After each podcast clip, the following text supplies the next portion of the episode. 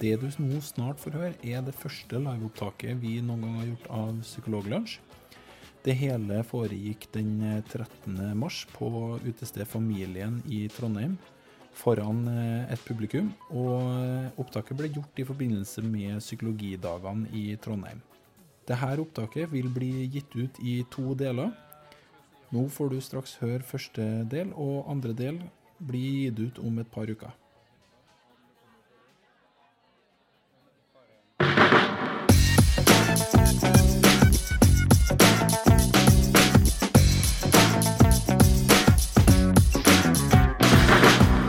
Du hører på Psykologlunsj, populærvitenskapelig lunsjprat med psykologene Tommy, Jonas og Jan Ole.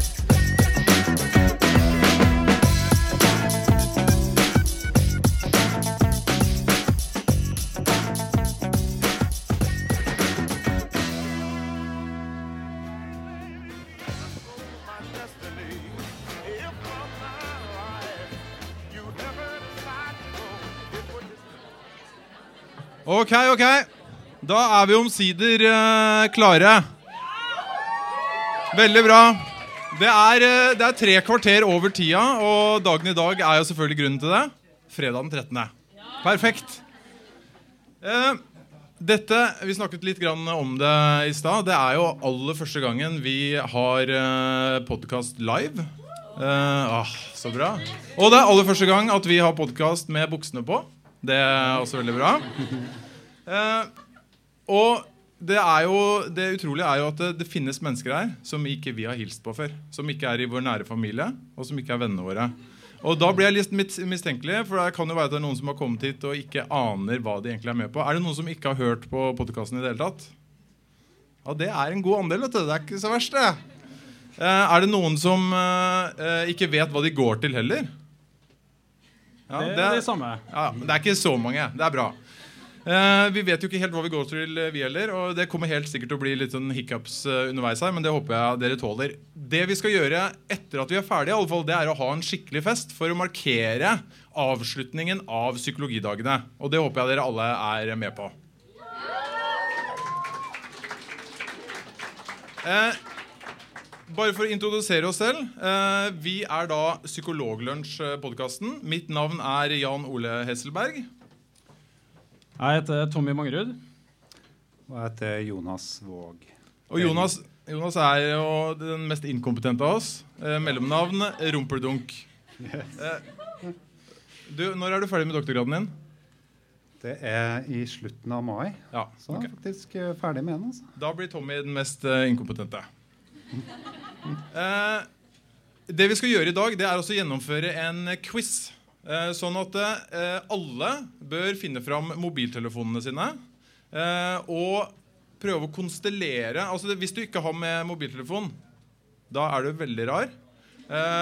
og så bør du finne deg noen å ha quizen sammen med. Det går an å lage lag. Vi anbefaler Kan vi ta det med en gang? Ikke altfor store lag. Sånn tre-fire eh, bør være maks, fordi dere får en tidsfrist på spørsmålene. Dere kommer til å få en tidsfrist på spørsmålene. Og da er det dumt å ha altfor mange eh, å diskutere mellom. Ikke sant?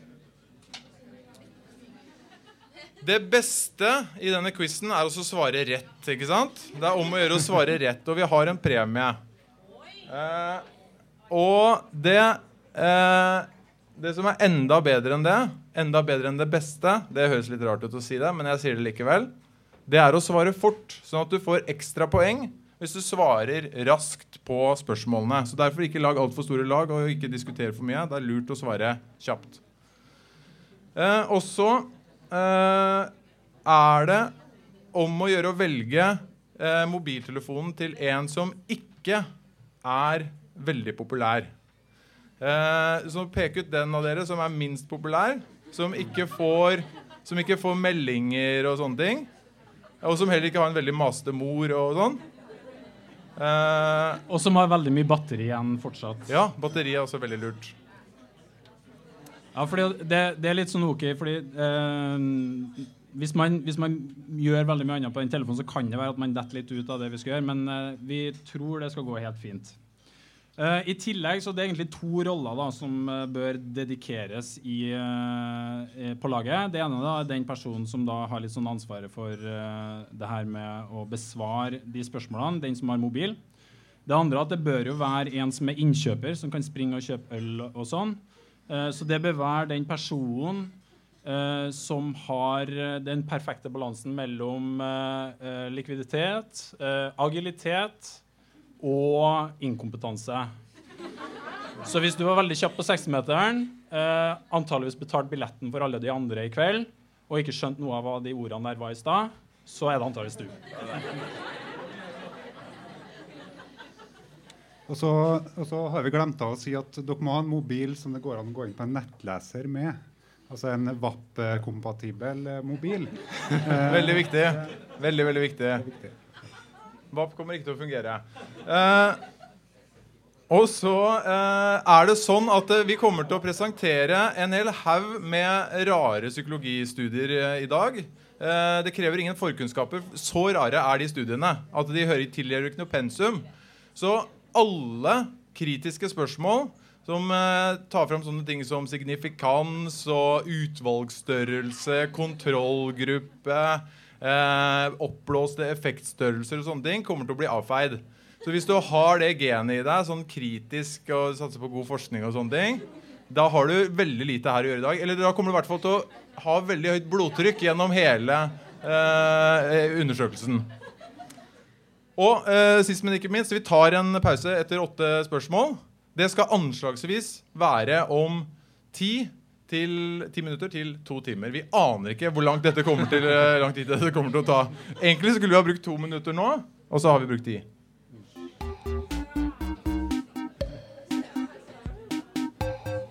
OK, begynner dere å bli klar? Da var det 34, og så plutselig ble det 33. 32. Ok, da fortsetter vi. Da tar vi det aller eh, første spørsmålet. Spørsmål nummer 1 av 16. Hva bør du gjøre umiddelbart etter et traume? Bør du snakke om det? Bør du ta en løpetur? Bør du gjøre ingenting? Eller bør du spille Tetris? Da er vi oppe i 25 s- tre svar. 27 svar. Det var bare to som mangler. Desto raskere det svarer, desto flere poeng.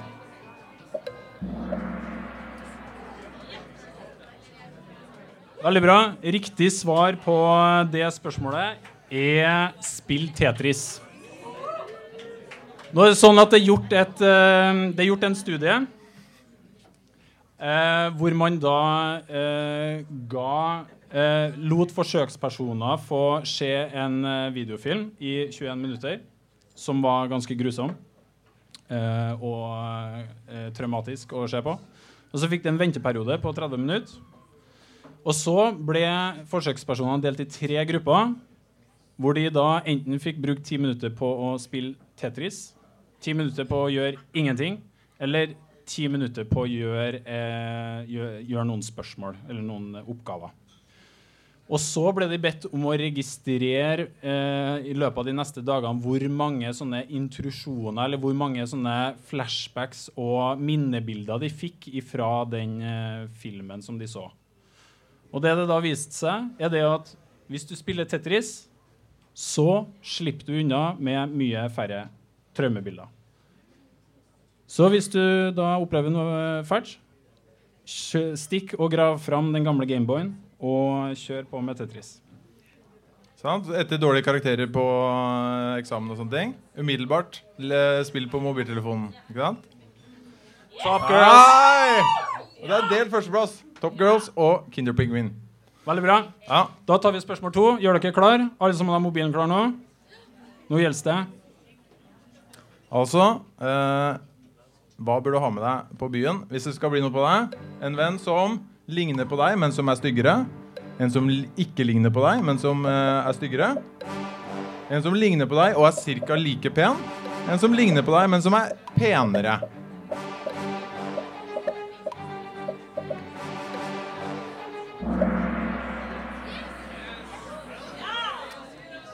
Ja. Det riktige svaret er altså at du må ta med noen som eh, ligner på deg, men som er styggere. Eh, dette ser man i veldig mange forskjellige situasjoner. At det er lurt Hvis du vil fremheve noe, så bør du legge til noe som ligner på det, men som er litt dårligere. Enten det er en TV eller det er en ferietur. Eh, og eh, den studien som er gjort her, er gjort av en som heter Dan Ariely. Han presenterte disse to bildene for en gruppe med kvinner. Og da viste det seg at det fordelte seg ca. likt i hvem de likte best. Eh, så det var ganske likt mellom da Tom og Jerry. Og så la han til eh, en utgave av Jerry som hadde litt skeiv nese. Nå ser du ikke så godt på det skeive lerret- lerretet her, men han har litt skeiv nese. Og da valgte det desidert største flertallet av kvinnene eh, Jerry. Så gjorde han det selvfølgelig omvendt. eh, og eh, la til en variant av Tom, som hadde litt skeiv nese. Og da var det plutselig Tom som ble alternativet. Eh, vi har et uh, nytt spørsmål. Vil dere vite stillinga først? Ja. Top Girls. Top Det er Girls gjør det bra. veldig, veldig rask respons her, altså. Ja. Det er nesten full båt. Ok. Her kommer uh, Skal vi presentere fire veldig rare psykologistudier eh, for dere. Uh, og en av dem er oppspinn. Det er kanskje noen som syns at det er rart at jeg sier én studie, men det er fordi at det er riktig.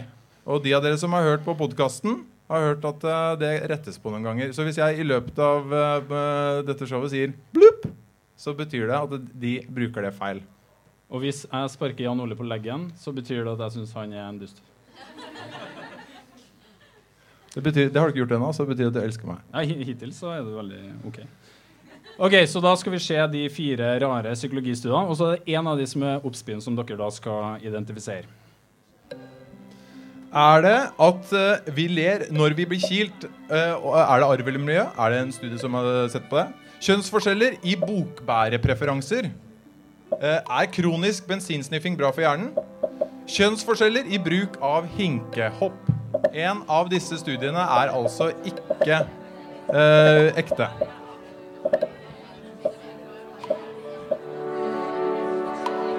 Det er én gruppe igjen nå som ikke har svart, og som eh, får veldig veldig lite poeng for å svare uansett. Der, da.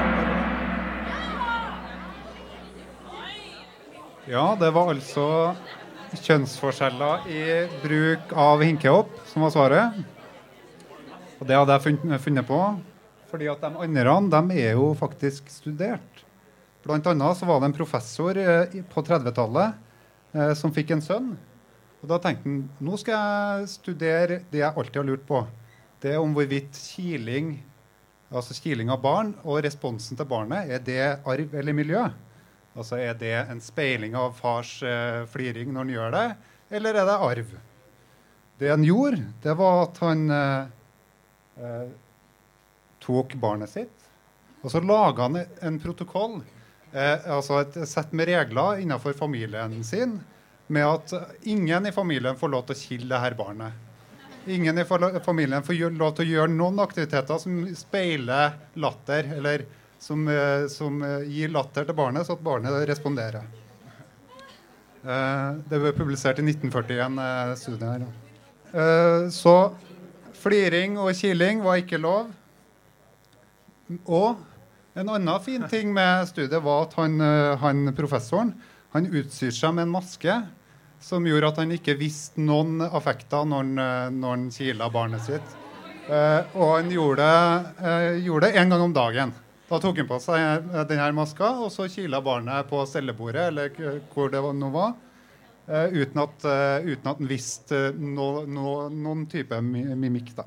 Det som studiet visste, var at etter sju måneder så begynte barnet å, å le, selv om, selv om han hadde på seg denne maska. Han konkluderte med at det mest sannsynlig var arv. Eh, Men så, så viste det seg at kona i familien hadde litt dårlig samvittighet.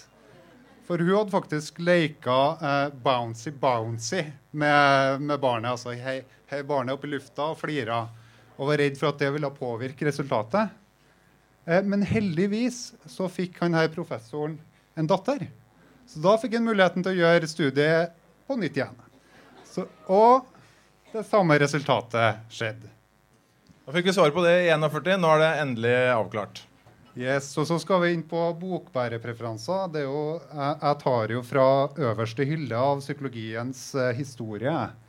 Her, er, her er det et studie over tre år på 70-tallet. Eh, hvor det var en professor som gikk rundt på ti forskjellige college eh, og undersøkte hvordan er det menn og kvinner bærer bøkene sine. Uh, hun hadde en hypotese om at eh, kvinner bærer bøkene sine foran brystet, sånn med to hender. Mens menn bærer det ved siden av seg, litt sånn lett nonsjalant. Uh, det hun fant ut, var at 80% av kvinner bærer bøkene sine foran brystet sitt, mens 90% av mennene bærer bøkene sine på sida av seg. Men så men så var det noen sveitsere som var uenige i det her på 80-tallet. De, de, studerte over seks år. Så studerte de eh, eh, personer som gikk rundt med, med bøker. Eh, de måtte jo ta, selvfølgelig må det ta seks år for å finne ut av det her. Eh, de fant ut at i Sveits så er det sånn at det er en 50-50-fordeling. Kvinner bærer enten bøkene sine foran brystet eller eh, langs sida. Mens menn har fortsatt en 90 eh, sidebæringsprevalens, hvis vi skal kalle det det. Men så, så, kom det en studie i 2000, eh, og den var, den var, litt kortere. Det var ett år, et års tid. Eh, og da der uh, lurte vedkommende på kanskje er det sånn at uh, vi ser en tendens i bokbæreendringer uh, blant kjønn. Og at, eh, og at, nå når vi lever i år 2000, sånn som vi gjør, så, så må det jo være at, eh, at det her har fordela seg ganske likt. da. Nei da. I USA så er det 80% av kvinner som blir observert, de bærer bøkene sine foran brystet. Mens 90% av mennene bærer dem langs sidene. Så vet dere det. Uh, og det er jo veldig morsomt, fordi det er jo et kjempestort problem i psykologien at man ikke gjør studier flere ganger. Det er jo et kjempestort problem at vi ikke replikerer studiene. Men heldigvis, da, i bokbærepreferanser, så har vi sikret oss Ja, vi skal ta Vi må ha stillinga. Ja, vi må ha stillinga. Sorry. Da er det sånn at Å, oh, en endring! En Pavlov har eh, kommet seg på toppen, og Top Girls har eh, en stor utfordring. Da tar vi spørsmål fire. Det er fortsatt muligheter til å ta igjen det her. Verdensrekorden i søvnløshet er altså det vi skal uh, inn på. Mobilen klar.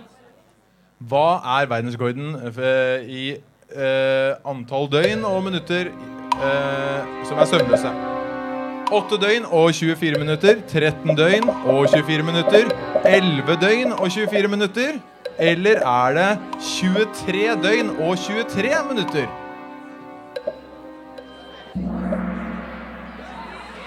Det er 11 døgn og 24 minutter. Og da er altså Pavlov fortsatt på topp. Oi. Det er stabilt. Det er eh, fire riktige svar av fire mulige, og svart veldig kjapt i tillegg. Altså, eh, Dette var en rekord som ble satt i 1964. Og det er en god grunn til at eh, den rekorden ikke har blitt oppdatert enda. Og det er fordi det er veldig, veldig farlig å ikke sove. Eh, I hvert fall eh, så lenge. Her er mannen som, eh, som uh, har rekorden. Han heter Randy Gardner og satte den i 1964. Hva disse strekene skal bety for noe, vet jeg ikke, for det er jo mye mer enn 11. Så her står det 276. Kanskje han er så trøtt at han har skrevet at han har vært våken i 276 døgn. Eh, grunnen til, En annen grunn er også Det hersker mye usikkerhet rundt uh, dette, denne rekorden. her, Fordi uh, mange som mener at de har uh, holdt ut mye lenger enn det Randy gjorde. Men grunnen til at hans er godkjent og veldig mange andre ikke er det, er fordi at når man ikke sover på veldig lenge, så får man masse av det man kaller mikrosøvn. Så man dupper av bare veldig veldig kort. Og det er selvfølgelig et brudd på regelen. Hvis du har sovet i to sekunder så har du jo, har du jo strengt tatt sovet. Alle vet hvor deilig det er å sove i to sekunder. Eh, og hvor uthvilt man føler seg etterpå. Så da får man ikke fortsette. Eh, og her er det faktisk noen som har fulgt med på han i da eh, disse 11 døgnene og 23 minuttene. Så han har den rekorden. Guinness fører ikke den rekorden lenger. Så han kommer til å ha den verdensrekorden antakeligvis i, i uoverskuelig framtid. Spørsmål nummer fem. Det har vi fått en person til å hjelpe oss med, dette spørsmålet. Eh, så da hører vi dette spørsmålet aller først. Hei, Psykologidagene. Jeg har blitt bedt av min gode venn Jan Ole Hesselberg om å bidra med et psykologirelatert spørsmål. Jeg skal eh, snart bli far, faktisk. Og derfor er spørsmålet mitt Hvis det ender opp med å bli et jentebarn, vil jeg som far da kunne forvente et lengre liv, et like langt liv eller et kortere liv? Eller litt mer presist går eh, gjennomsnittlig forventa levealder opp med 74 uker? Er det ingen endring, eller går eh, livslengden ned med 74 uker for fedre for hver nye datter? Spennende. Lykke til.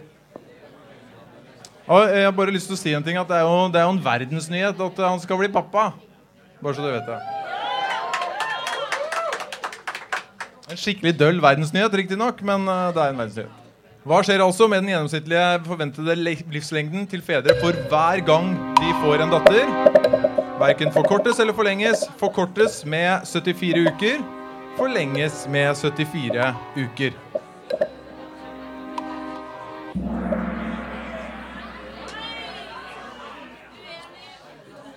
Det er faktisk sånn at for eh, fedre da, så eh, forlenges den med 74 uker. Eh, aller først skal vi se. Det er Pavlo fortsatt. Som leder. Det er sånn da at uh, man har undersøkt der, Man har plukka ut et uh, veldig spesifikt utvalg. Fire polske landsbyer. Så har man da gått tilbake i kirkebøkene og sjekka alle fra 1886 til 2002. Og da er det sånn at dersom du er far og får døtre, så er det sånn at for hver datter du får, så øker livslengden i snitt med 74 uker. Hvis du får sønner, så er det ingen forskjell. Og hvis du da er så uheldig at du er mor, så blir livslengden kortere uavhengig av om du får døtre eller sønner. Så hvis du, hvis du er mann og har en kone som du er veldig veldig lei av, så er det en veldig intrikat måte å kvitte deg med henne med å sørge for å få veldig veldig, veldig, veldig mange barn med henne. For da bare forkorter du livslengden hele tida. Ja. Og det Så er the får perfect, mange gode- perfect crime. Så får du mange gode leveår eh, Ja, etterpå. det er, det er jo score. Det er, du dreper partneren din, sakte, men sikkert. Samtidig som din livslengde bare øker og øker. Eh, så det er eh, veien å gå. Eh, nok en gang, fire publikasjoner. En av dem er oppspinn. Hvilken av de er det? Er det sammenhengen mellom epleslang og skoleresultat? Er det en studie av hjerneaktivitet under mannlig urinering? Er det en analyse av sammenhengen mellom uønskede tanker og nesehår? Eller er det kjønnsforskjeller i håndholdepreferanser?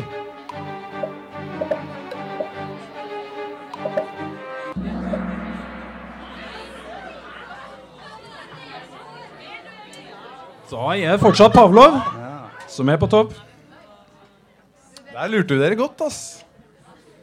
Ja, øh, Først så tar vi den øh, med mannlig urinering og hjerneaktivitet. Eh, det, det ble gjort et studie i 2000, eh, publisert i Brain, hvor de ba tolv høyrehendte urinerende menn øh, gå inn i en PET-skanner og så urinere. Og Da fant de ut at eh, hjerneaktiviteten er, det er høy aktivitet i hjernen når du pisser. Det, en kritikk av den studien er jo at den var industrisponsa Athena. Så det må tas i betraktninga. Eh, og så har vi håndholdepreferansestudien. For det, det, det, var, det var en gjeng med japanske og amerikanske forskere som lurte på om eh, er det vi observerer riktig, at, eh, at menn holder hendene sine på en viss måte, og kvinner holder hendene sine på en viss måte når man leier hverandre. Eh, da tok de et lite studie på 15 000 par. Eh, hvor de eh, hvor de, eller 15 008 par observerte dem i en periode på tre år. Eh, da, eh, da fant de ut at eh, menn har en tendens til å holde handa si over kvinnens. Altså Menn er den som eh, tar tak i handa, og så leder kvinnen, kvinnen bortover. Så det, det er snakk om, eh, altså Teorien bak her er at eh, menn eh, ønsker å ta lederrollen og ønsker dominans, og så tar eh, kvinnen og lar seg lede. Eh, I 2013 så ble det studiet her også replikert. Oi, sa jeg Ja, yes. Eh, og der fant de at eh, 90% av parene er det en sånn type håndholdepreferanse. Men hva, hva hvis man har et par hvor begge er av samme kjønn? Det er også undersøkt. Eh, da, da tok de og sjekka hvilke faktorer er det som predikerer hvem som holder hvordan i et par av samme kjønn. Eller i et lesbisk par. da. Eh, og da undersøkte de faktorer som eh, økonomi, altså hvem har mest inntekt. Eh, eh, so, altså all type sånn sosioøkonomiske faktorer. Så hvem er lengst, hvem har mest vekt, hvem har vært i et forhold med en mann før, og, og ulike andre faktorer.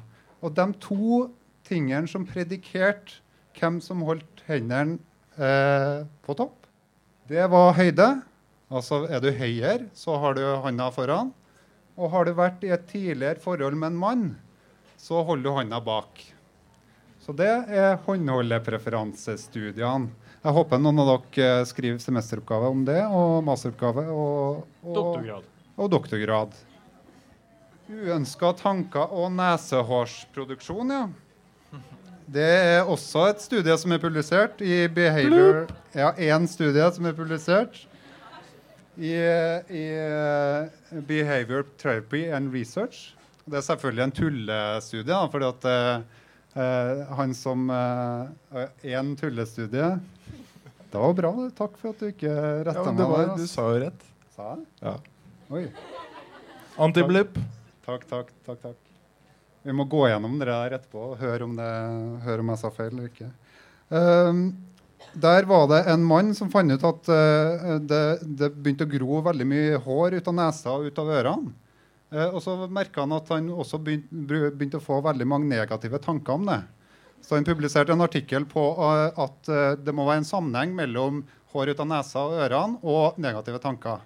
Og at de går de er liksom bidireksjon... Altså det, de er linka til hverandre. Da, så at når du får negative tanker om det, så gror også hårene raskere. Det, var, det var hypotesen hans. Så skrev han en artikkel om det. Og så kom det et kritisk studie mot det, eh, hvor det var to som hadde glemt av En kritisk studie mot det. Hvor det var to professorer som hadde glemt av å barbere seg. Eh, og de, de skrev at det her kan umulig være sant. Eh, nå har vi eh, gått ubarbert og ufrisert i nesa i ett døgn, og vi har ikke merka noe mer av uønska negative tanker. Så det kan ikke være sant. Jeg lurer på hvilke altså, eh, eh, Det er ingen tabeller i denne studien her, for å si det sånn. Det, det, det, det er ren, Den første studien er sitert én gang, og det er den andre. Neste spørsmål. Eh, hva er Ikea-effekten? Er Ikea-effekten eh, at navnebruken av Ivar og Billy øker i byer som etablerer Ikea? At man kjøper mer enn man hadde tenkt? At, en av, eh, at man overvurderer ting man har lagt egeninnsats i å lage? At salget av kar- karbonadedeig, da spesifikt til kjøttboller, øker i byer som etablerer Ikea?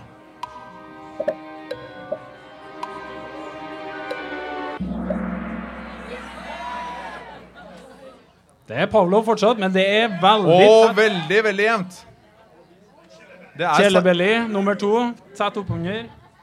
Kan vi få, kan, vi få uh, kan Pavlov identifisere seg? Det er her. Det er veldig bra. Det er dere tre.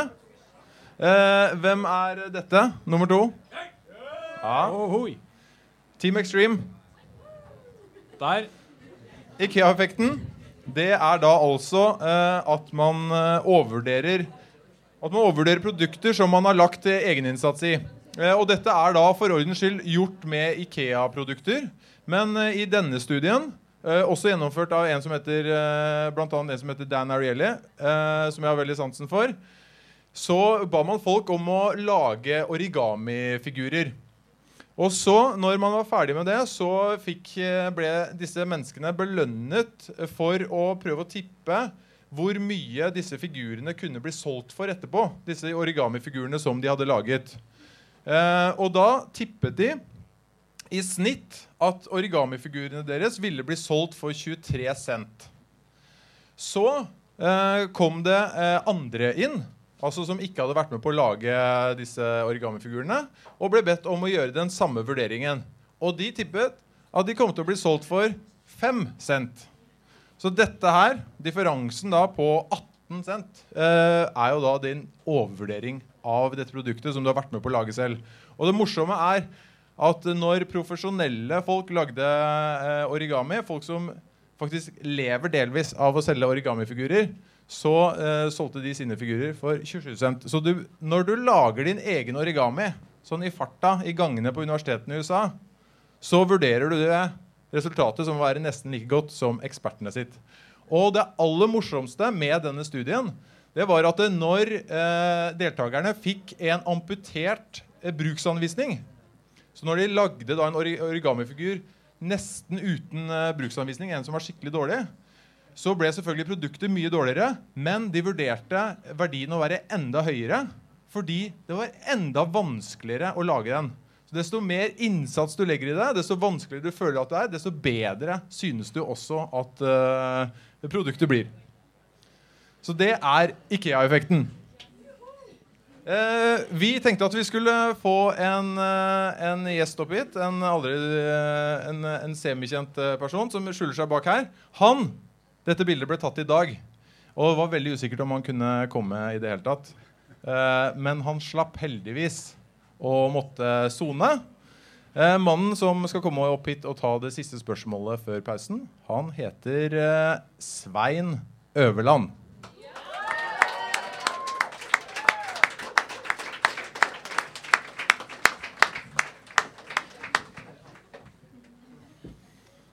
Velkommen. Tusen takk. Det bildet der ble tatt eh, da jeg var sakkyndig i Schumann-saken. Og Dagbladet eller VG tok 300 bilder av meg. Og til slutt så ble jeg så drittlei, og det bildet publiserte de. Her er da spørsmålet du tenkte du skulle bidra med. Ja. Eh, Dem av dere som har fulgt med på eh, psykologidagene, har kanskje hørt det spørsmålet før. Men test da, om du har fulgt med. Ja. Hvilken type vannløper Det er et insekt da, som blir bilde av her. Tar initiativ til å lage nye kolonier. Ok, Skal vi se alternativene? Hva har du til oss? Innadvendte, utadvendte, ingen, kolonien dør ut, og begge typer.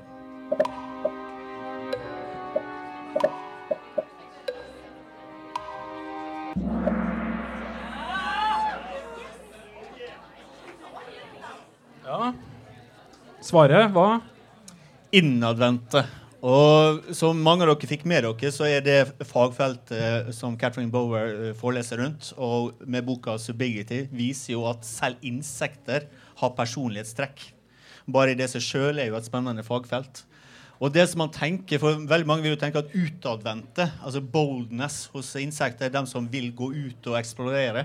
Men det som skjer, er at de innadvendte vannløperne, når det blir for mange i kolonien, så blir det too crowded for dem.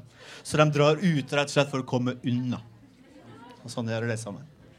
Det blir for plagsomt å ha for mange andre vannløpere der. Det er for plagsomt. Og de innadvendte er undervurdert i, i forhold til oppfinnelser og prøve nye ting. Veldig bra. Ok, eh, Skal vi gjøre opp status nå? Ja, det kan vi gjøre først. Det er fortsatt Pavlov. Det er fortsatt Pavlov, men det er bare et spørsmål som skiller første og andre og tredje og fjerde og femteplassen. Så det blir veldig, veldig spennende etter eh, pausen. Og den premien som eh, venter, den er, eh, den er helt unik. Den finnes det bare én av i hele verden.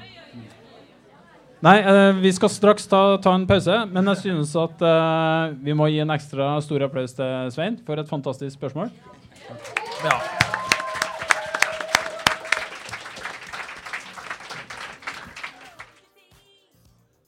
Da har du akkurat hørt første halvdel av eh, liveopptaket vårt på Familien i eh, Trondheim.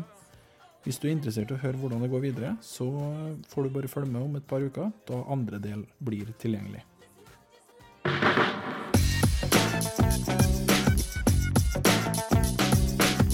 Du har nå lytta til Psykologlunsj. Har du noen spørsmål, kan du søke opp Psykologlunsj på Twitter, eller du kan sende en e-post til psykologlunsj alfakrøll gmail.com. Mer informasjon om temaet du har hørt i dag, finner du på psykologibloggen.no og tankesmed.no.